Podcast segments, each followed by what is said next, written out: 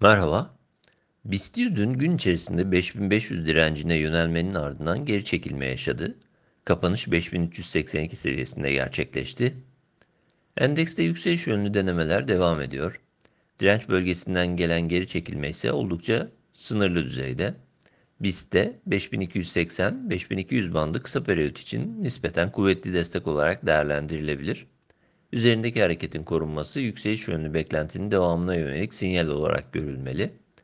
Bu paralelde 5430-5500 ara direnç olmakla birlikte 5660 direncine yönelik beklentinin geçerli olduğunu düşünmeye devam ediyoruz.